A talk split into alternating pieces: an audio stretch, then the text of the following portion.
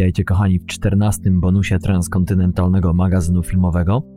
W dzisiejszym odcinku podaruję sobie dłuższy housekeeping, a to z tego względu, że dzisiejszy odcinek nagrałem na równi z poprzednim półodcinkiem, kiedy wy będziecie odsłuchiwali te słowa. Patryk e, no już tydzień rozbija się po Czechach, natomiast ja, tak jak wspomniałem w ostatnim pełnym odcinku, przeżywam katusze w Iowa w rodzinnym stanie mojej żony, ponieważ jest teraz około 35 stopni, tak mnie mam tak w momencie nagrywania przewidywano.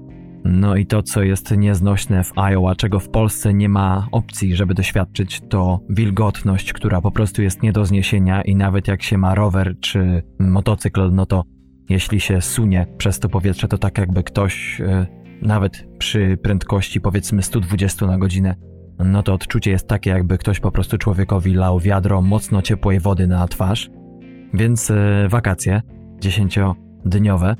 I to tyle, kochani, jeśli chodzi o housekeeping. W odcinkach bonusowych, które przeważnie mają być odcinkami dodatkowymi, w których to recenzujemy dla tych, którzy może słuchają nas od dzisiejszego odcinka, przede wszystkim filmy, które wychodzą w czasie rzeczywistym, można powiedzieć, do polskich kin, czy na przeróżne platformy streamingowe więc zazwyczaj w tych odcinkach nie ma premier, ale ze względu na to, że dzisiejszy bonus jest jakby zamiast pełnego odcinka, który właśnie ze względu na wakacje wyjdzie dopiero w przyszłym tygodniu, z tego też względu właśnie dziś mam dla Was dwie premiery, które wejdą do polskich kin w piątek, 5 lipca.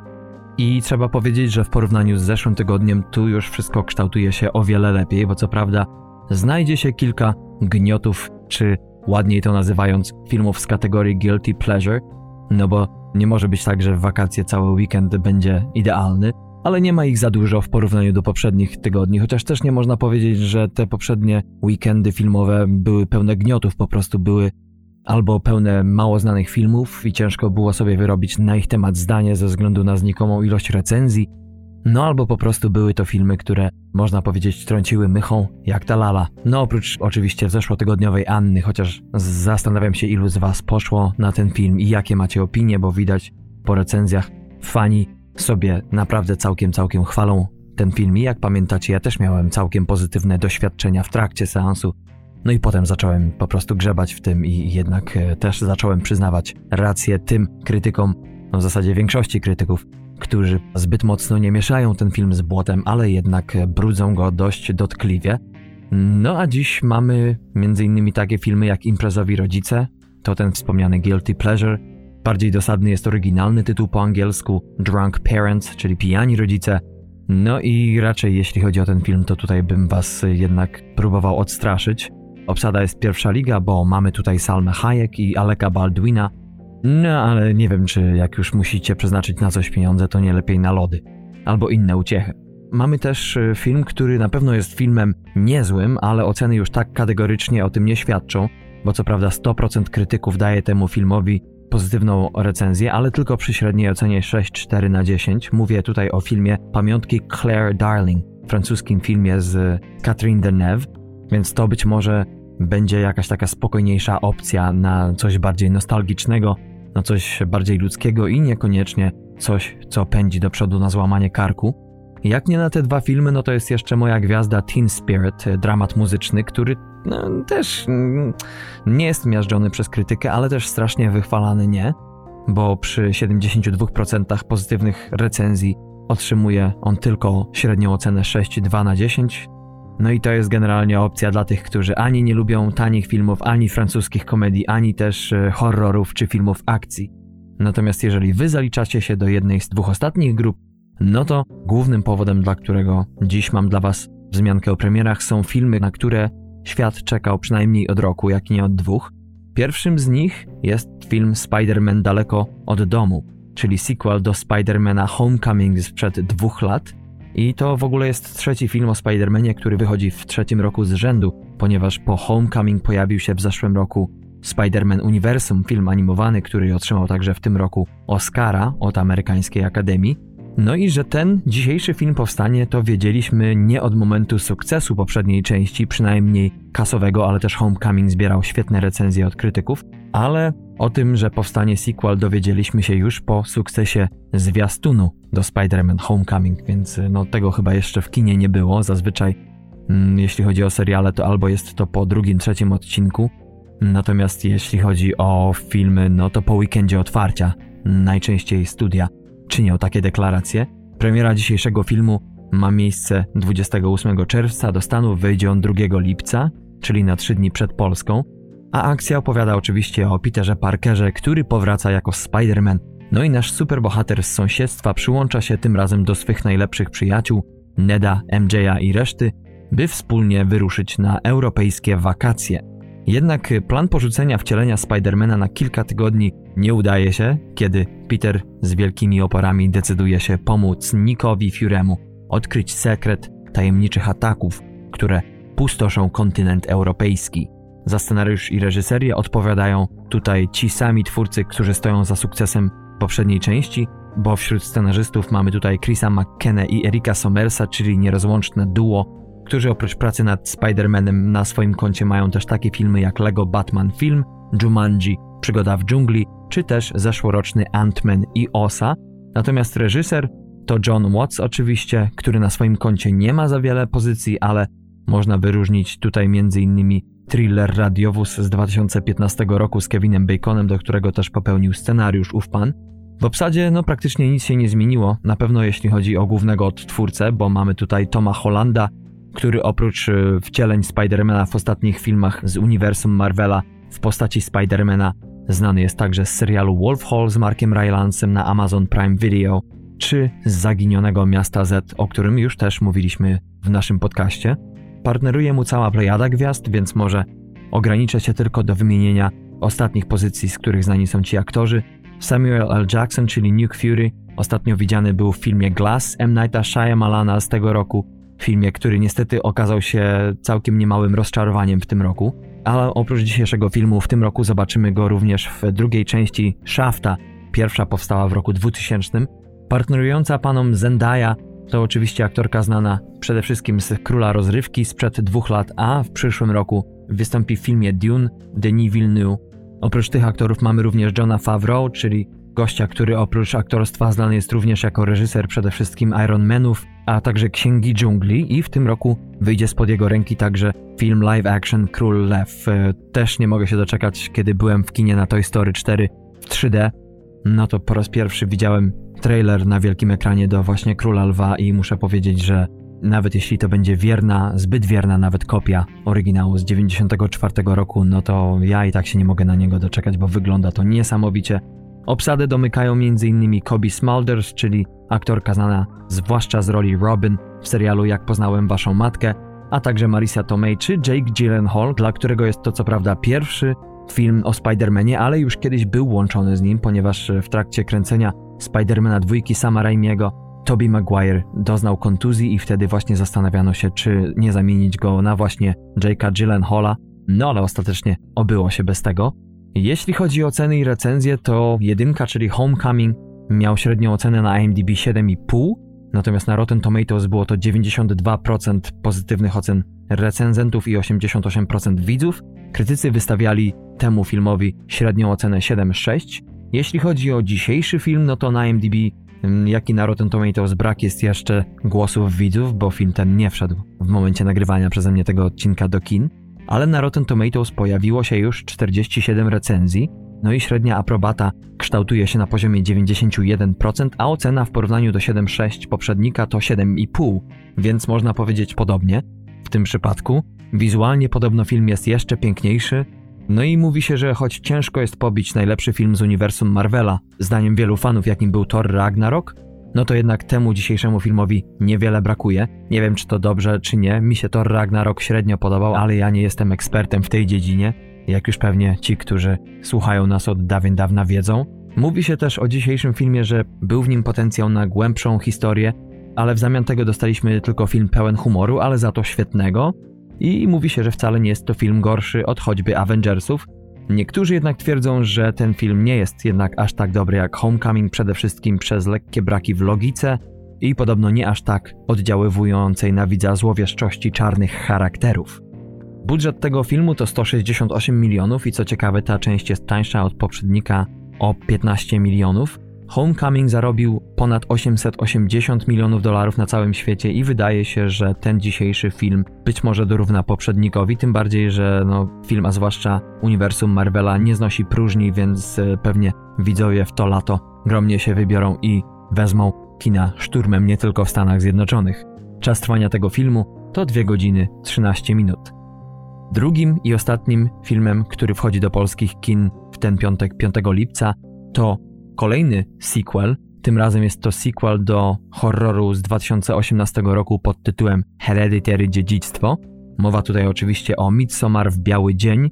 Niektórzy nadają temu, jak i poprzedniemu filmowi, miano skandynawskiego folk horroru, ale ci, którzy mają bardziej bujną wyobraźnię, jeśli chodzi o odbiór dzieł Ariego Astera, czyli głównego twórcy dwóch filmów, o których mowa, no to już o dzisiejszym filmie mówią, że jest to czarnoksiężnik z krainy Oz dla zboczeńców. Można i tak. Co ciekawe, Midsommar miał być pierwszym horrorem Astera i to nie dlatego, że miał poprzedzać Hereditary, ale dlatego, że ten poprzedni miał być w założeniu dramatem rodzinnym i chyba nie wyszło. No i e, wydaje się, że być może nawet chcąc nie chcąc Ari Aster odkrył w sobie na dobre talent do właśnie tego gatunku. Film opowiada o małżeństwie Dani i Krystianie, młodych Amerykanach, którym nie układa się w związku, no i rozważają rozstanie. Niespodziewana rodzinna tragedia jednak zbliża ich do siebie, a pogrążona w żałobie Dani postanawia dołączyć do Krystiana i jego przyjaciół, aby wziąć udział w wakacyjnej wyprawie na północ Skandynawii. Tam, w odciętej od świata wiosce, raz na 90 lat obchodzone jest prastare święto związane z letnim przesileniem. Jednak to, co z początku wygląda na beztroską wycieczkę do krainy niezachodzącego słońca, z czasem przybiera nieoczekiwany, przerażający obrót. Lokalni mieszkańcy bowiem zapraszają amerykańskich gości do udziału w mocno niepokojących rytuałach. No i w sielskiej scenerii rozpoczyna się dziewięciodniowy festiwal coraz dziwniejszych obrzędów, których rezultat zadecyduje o życiu i śmierci biorących w nich udział. I to chyba wystarczy za reklamę tego filmu. Za scenariusz i reżyserię, tak jak powiedziałem, odpowiada twórca poprzedniej części Ari Aster, a w obsadzie dzisiejszego filmu mamy m.in. Williana Jacksona Harpera, czarnoskórego aktora, który ostatnio zyskał światową sławę, można powiedzieć, ze względu na udział w serialu Dobre Miejsce na stacji Netflix. Natomiast jeśli chodzi o głównych bohaterów, to męża w tym filmie gra Jack Raynor, znany przede wszystkim w Stanach Zjednoczonych z dwóch filmów. W 2017 roku wystąpił w dramacie Detroit Catherine Bigelow, czyli słynnej reżyserki zdobywczyni Oscara za film Heart Locker. Natomiast w 2018 roku Jack Raynor zagrał także w filmie On the Basis of Sex, opowiadający o Ruth Bader Ginsburg, kultowej jeszcze nadal żyjącej i aktywnej zawodowo sędzinie amerykańskiej wersji Trybunału Konstytucyjnego. Natomiast Dani gra w tym filmie Florence Pugh, która w tym roku będzie widziana w najnowszym filmie Grety Gerwig, czyli reżyserki świetnego Lady Bird, w filmie Little Women. Już informowaliśmy na naszej antenie o tym filmie, który będzie miał iście gwiazdorską obsadę, bo nie tylko wystąpi tam Florence Pugh, ale też Saoirse Ronan, Emma Watson, Timothy Chalamet, Meryl Streep, James Norton, no i Bob Odenkirk. Jest to kolejny film, na który nie mogę się doczekać ze względu na przede wszystkim talent reżyserki, ale też i świetną obsadę. No i Little Women to oczywiście remake filmu z 1994 roku w reżyserii Gillian Armstrong, ale nie o tym, kochani, wracamy do Midsommar. Jeśli chodzi o oceny i recenzje, to Hereditary był, no tak można powiedzieć, dość konserwatywnie oceniany bo z jednej strony słyszy się, że był to jeden z lepszych horrorów ostatnich lat. Ja nawet sam spotkałem się z ludźmi, którzy twierdzą, że Hereditary to był wręcz najlepszy film w zeszłym roku dla nich. Jeśli chodzi o sztywne oceny, to IMDb kształtuje się, jeśli chodzi o Hereditary, na poziomie 7.3. Na Rotten Tomatoes było to 89% krytyków, 65% widzów. Jeśli chodzi o pozytywne oceny, przy średniej ocenie krytyków na poziomie 8.2, także całkiem nieźle. Użytkownicy portalu Filmweb dają poprzednikowi średnią ocenę 6.2. Póki co na Rotten Tomatoes, jeśli chodzi o dzisiejszy film, pojawiło się 51 recenzji przy średniej ocenie 8 na 10 przy 92% pozytywnych opinii.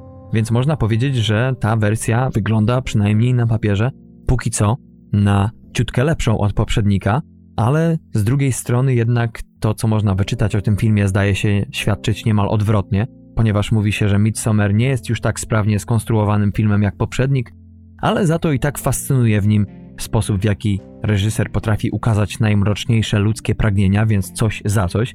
Niektórzy nazywają Midsommar miksem horroru z prawdziwego zdarzenia z dziwną komedią, co podobno czyni ten film pół na pół fascynującym, jak i frustrującym.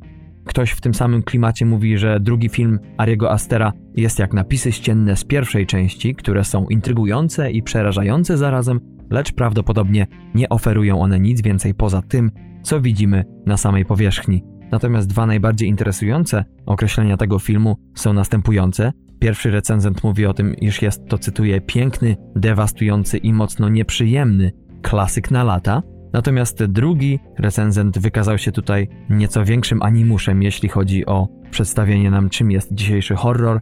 Mówi on, iż Midsommar, cytuję, jest jak echo krzyku o poranku.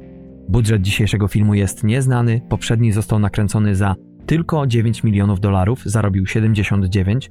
No i wydaje się, że przynajmniej dzisiejszy film może dorównać poprzednikowi, jeśli go nie przebić. Tak przynajmniej mi się wydaje. Czas trwania dzisiejszego filmu to 2 godziny i 20 minut. Także jest troszeczkę do wyboru, kochani, są można powiedzieć dwie mocne, choć skrajne propozycje.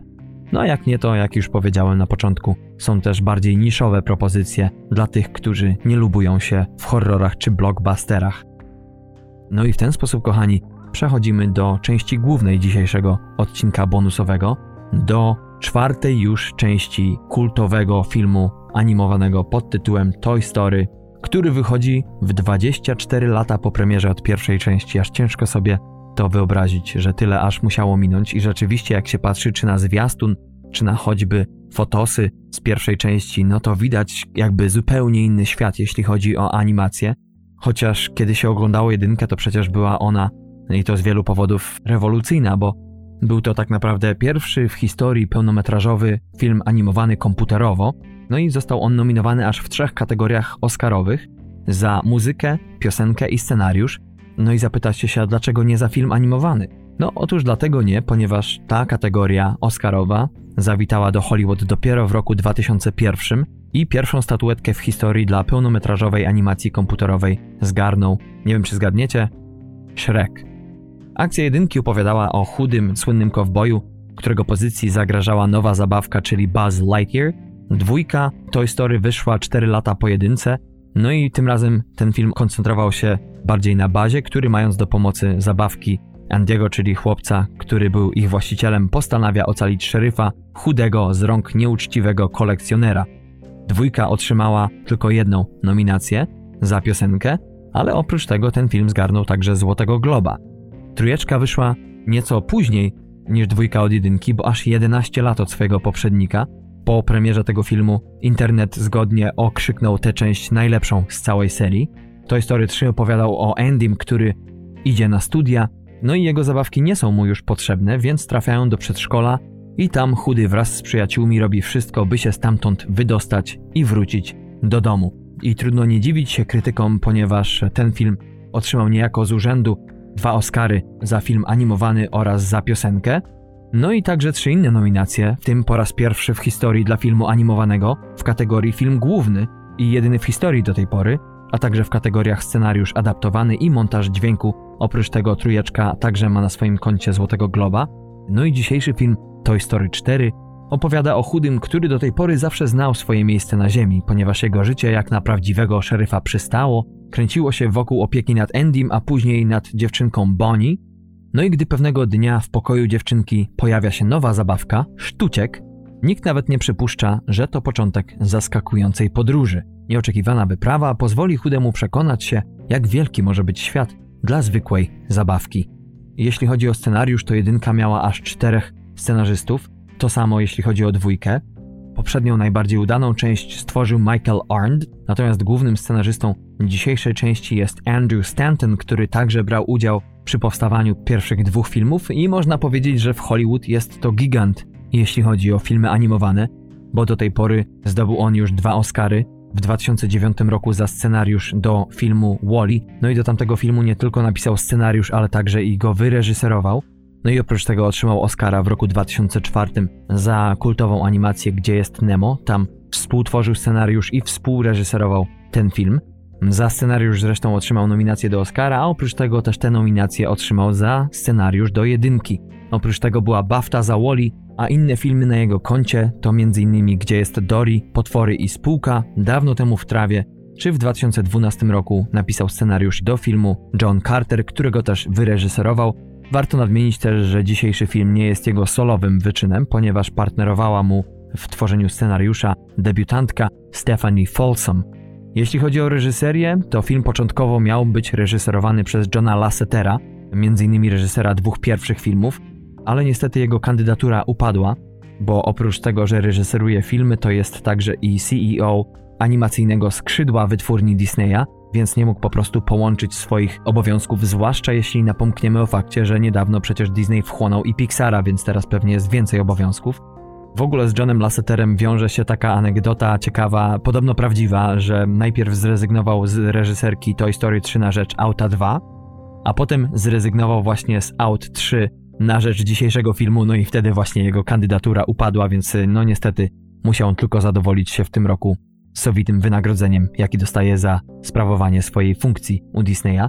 No i wyszło na to, że reżyserem dzisiejszego filmu jest kompletny debiutant, jeśli chodzi o film pełnometrażowy, bo do tej pory na swoim koncie ma krótkie metraże, czyli Josh Cooley, który jako scenarzysta jednak już jest całkiem znany, jeśli chodzi o animację, no bo w 2016 roku został nominowany do Oscara za scenariusz oryginalny do filmu Inside Out, czyli W głowie się nie mieści, który to też otrzymał Oscara dla filmu animowanego w tamtym roku.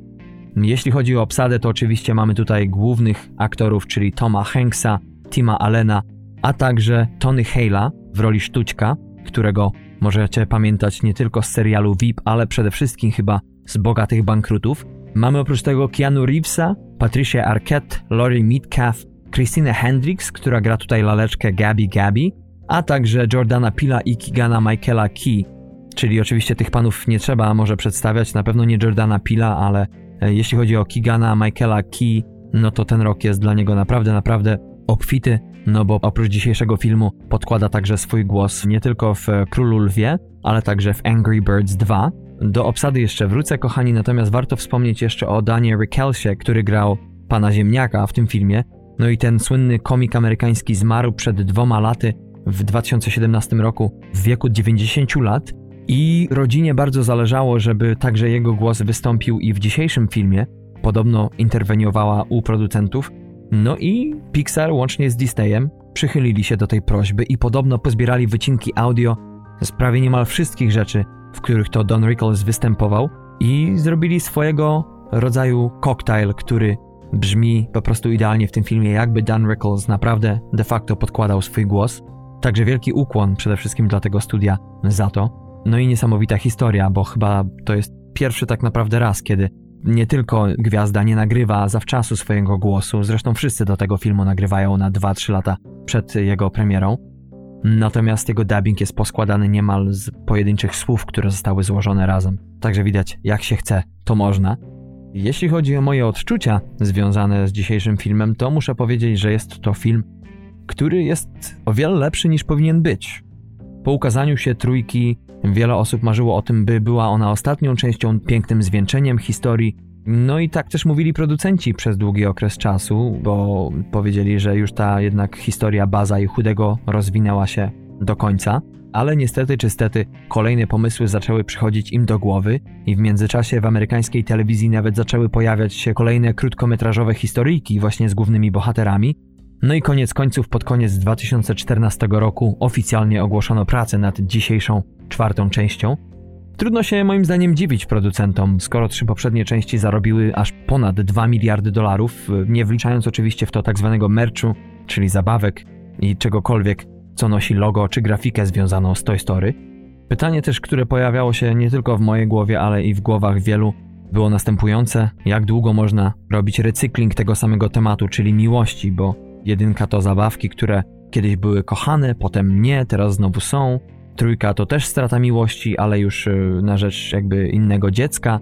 No i trzeba powiedzieć, że jednak e, producenci stanęli na wysokości zadania, a prawie 5 lat prac nad tym filmem zdecydowanie po raz kolejny zresztą potwierdza regułę, że jeżeli ludzie ogromnego talentu pracują nad jakością, a nie ilością, no to mamy do czynienia z takim produktem, jakim mamy.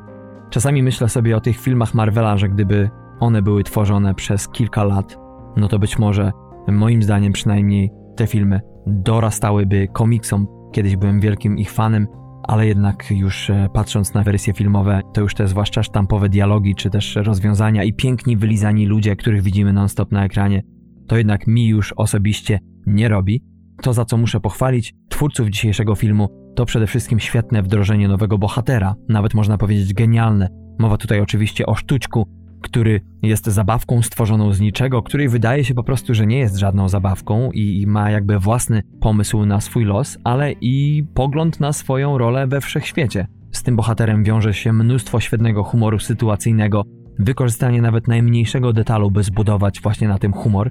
Te sceny właśnie z tym bohaterem mogą być może najmniej przystępne dla dzieci, ale i tak mi się wydaje, że będą tak jak dorośli rżały ze śmiechu, bo takiego slapsticku w animacji to muszę powiedzieć już dawno nie widziałem.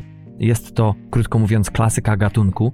No i też y, twórcom świetnie wychodzi przeniesienie środka ciężkości dramatu, bo tu już jakby nie chodzi o zabawki, bo te już widać, że wydoroślały i wszystko tutaj raczej skupia się nie tylko na dziewczynce, ale i na nowych postaciach, nowych wyzwaniach. Znajdą się, co prawda, niektóre sprawy nie do końca rozwiązane, zaszłe, które też odegrają tutaj jedną z głównych ról, ale dzisiejszy film to nie jest recykling znanych, powielonych tematów, tylko właśnie kontynuacja, która po seansie tego filmu, muszę powiedzieć, aż musiała się zdarzyć.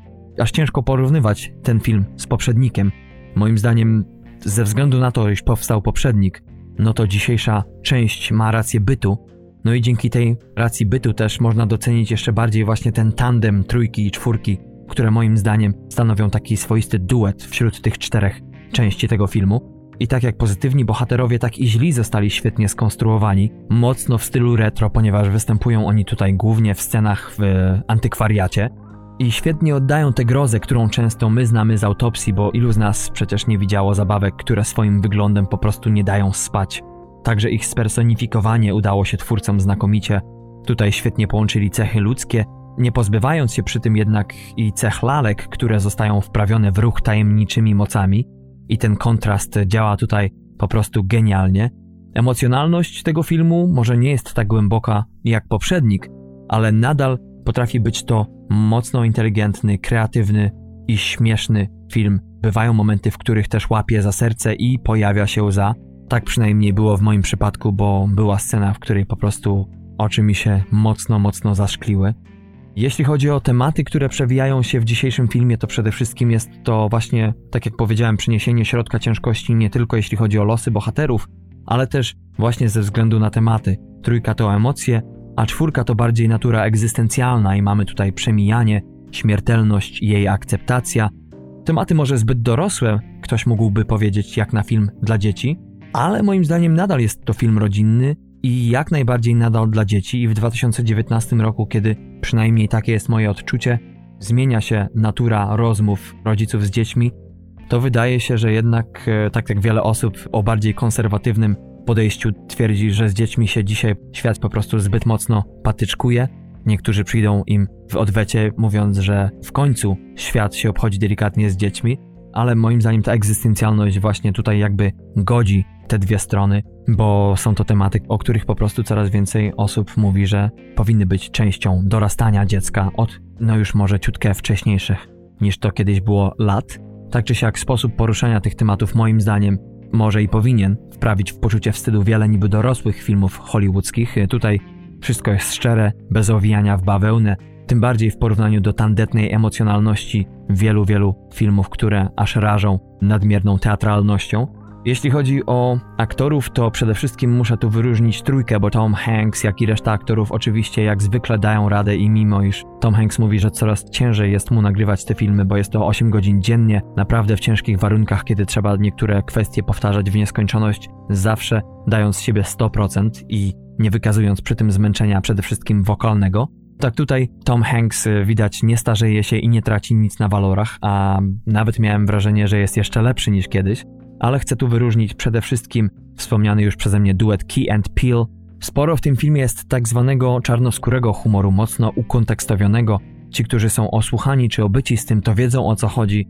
I mimo iż tutaj zabawki nie dzielą się na rasy, to jednak świetnie napisane, zwłaszcza właśnie dla tego duetu dialogi, sam akcent, jak i żarty, jest to naprawdę kwintesencja mocno etnicznego poczucia humoru, który nie jest stereotypowym dla stereotypowości. Tutaj mam na myśli przede wszystkim Kevina Harta, który dla wielu się właśnie wydaje tego typu komikiem. I co ciekawe, nie tylko sporo jest w tym dialogu improwizacji, której absolutnie nie słychać w tym filmie. Wydaje się, że to jednak jest dialog napisany dla nich. Podobno scenariusz zawierał tylko samo jakby rusztowanie w cudzysłowie dla tych twórców, natomiast oni sami już lecieli z flowem i potem jakoś się to wszystko do kupy pozbierało. I rzeczywiście muszę powiedzieć, że tak zwanej randomowości jest tutaj w tych ich występach tyle co nic. Wszystko jest głębokie, wszystko jest mocno śmieszne, w punkt idealnie wypolerowane. Jest to w ogóle dość rzadka, choć w dużych wytwórniach coraz częstsza jednak praktyka, że aktorzy ci nagrywali razem dialogi, no i podobno trzeba było się mocno nagimnastykować, żeby tych dwóch gości ogarnąć w jednym terminie. Nawet w jednym momencie zażartowali, że może stworzyć na poczekaniu piosenkę do tego filmu i podobno nagrali aż 20 minut materiału, z czego tylko 5 lub aż 5 sekund znalazło się w filmie. Trzecią, a w zasadzie czwartą postacią, którą chciałbym wyróżnić, jest Duke Kaboom, czyli kanadyjska odpowiedź na słynnego stuntmana amerykańskiego, który to przeskakiwał przez tunele i różne inne atrakcje na motocyklu Ivela Canivela. No i tutaj zarówno on, jak i Buzz Aldrin mają misję, z którą po prostu muszą się zmierzyć, nie mają innego wyboru.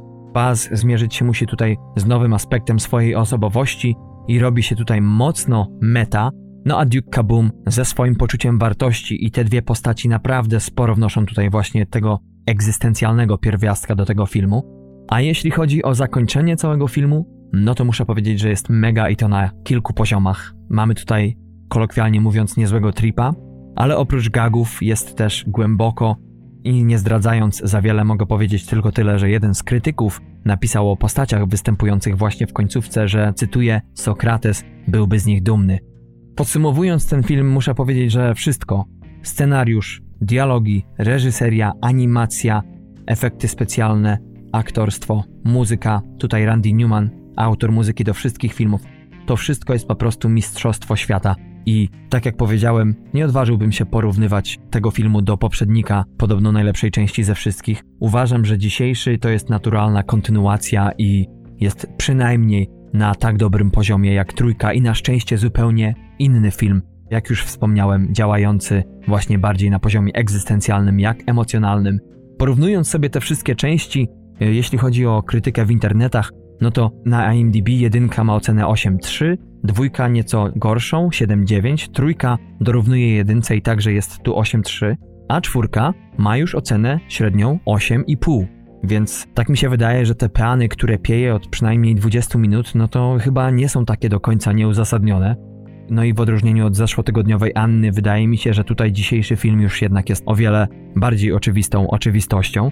Natomiast jeśli chodzi o Rotten Tomatoes, to procentowo żadna z części nie schodzi poniżej 98% pozytywnej krytyki. Jeśli chodzi o oceny średnie, no to krytycy dali jedynce dziewiątkę, dwójce 8,7, trójce 8,9, a jeśli chodzi o dzisiejszy film, to jest to tak jak w przypadku trójki 98% pozytywnych recenzji krytyków przy średniej ocenie ciutkę niższej 8,4, więc generalnie widać, że widzowie lubią ten film ciutkę lepiej niż trójkę, a krytycy być może już są nieco bardziej wstrzemięźliwi.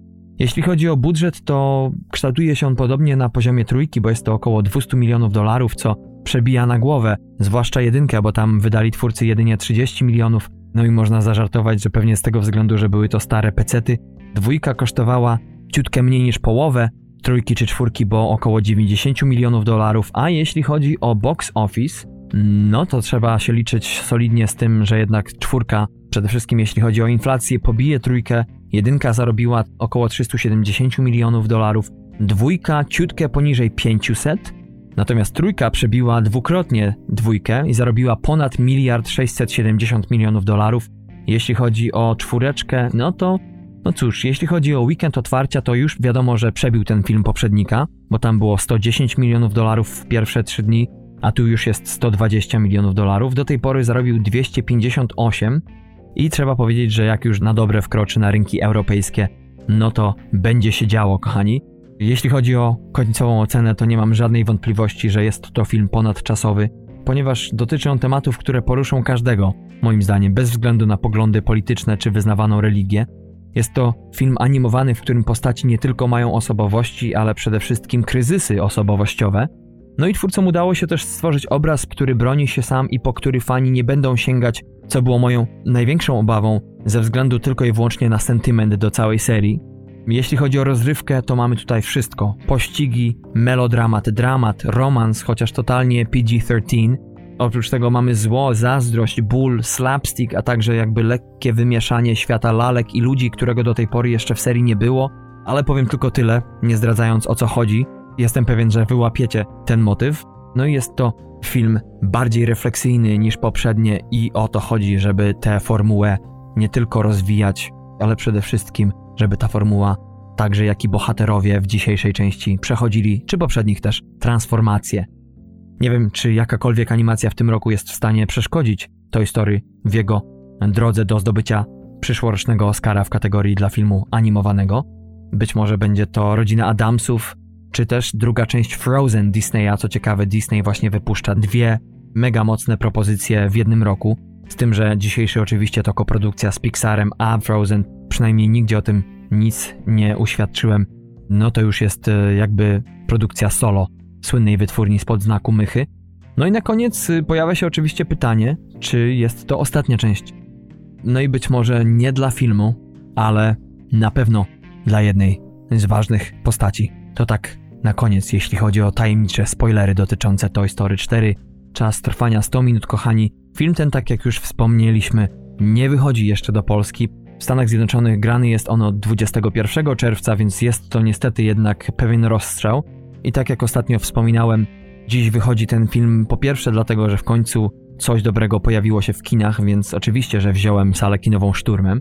Po drugie, daje też wam troszeczkę czasu, żeby się nastawić na ten film, no i nie ukrywamy też, że ci, którzy będą wyszukiwali jakichkolwiek tematów na temat tego filmu, no to będą w stanie sięgnąć po naszą recenzję, zanim ukażą się jakiekolwiek pisemne polskich krytyków, którzy będą mieli możliwość obejrzenia tego filmu podczas jednego z zamkniętych seansów w Warszawie. No i choćby z tego względu jest to też dla nas świetna okazja do tego, żeby ktoś się mógł dowiedzieć na własną rękę o istnieniu naszego podcastu. No i to tyle, kochani, jeśli chodzi o 14 odcinek bonusowy. W przyszłym tygodniu, jeżeli nic innego się nie stanie, no to planujemy z Patrykiem publikację 40 okrągłego, pełnego odcinka naszego podcastu. Na dzień dzisiejszy jeszcze nie mam pojęcia, jaki to będzie film, ale zakładam, że już e, przyszli Patryk i Darek, ogarnęli ten temat i jest już wszystko wiadomo. Zapraszam oczywiście do posta z naszym odcinkiem na www.tmfpodcast.com. Zapraszam do polubienia nas na Facebooku, tam jak i na Instagramie istniejemy pod aliasem TMF Podcast. No i oczywiście jesteśmy dostępni na wszystkich apkach podcastowych, a także na Spotify, Lektonie, a także jesteśmy dostępni dla miłośników platformy YouTube. I to tyle, kochani, na dziś. Życzę Wam przyjemnego weekendu, trzymajcie się ciepło i do usłyszenia już za tydzień. Cześć!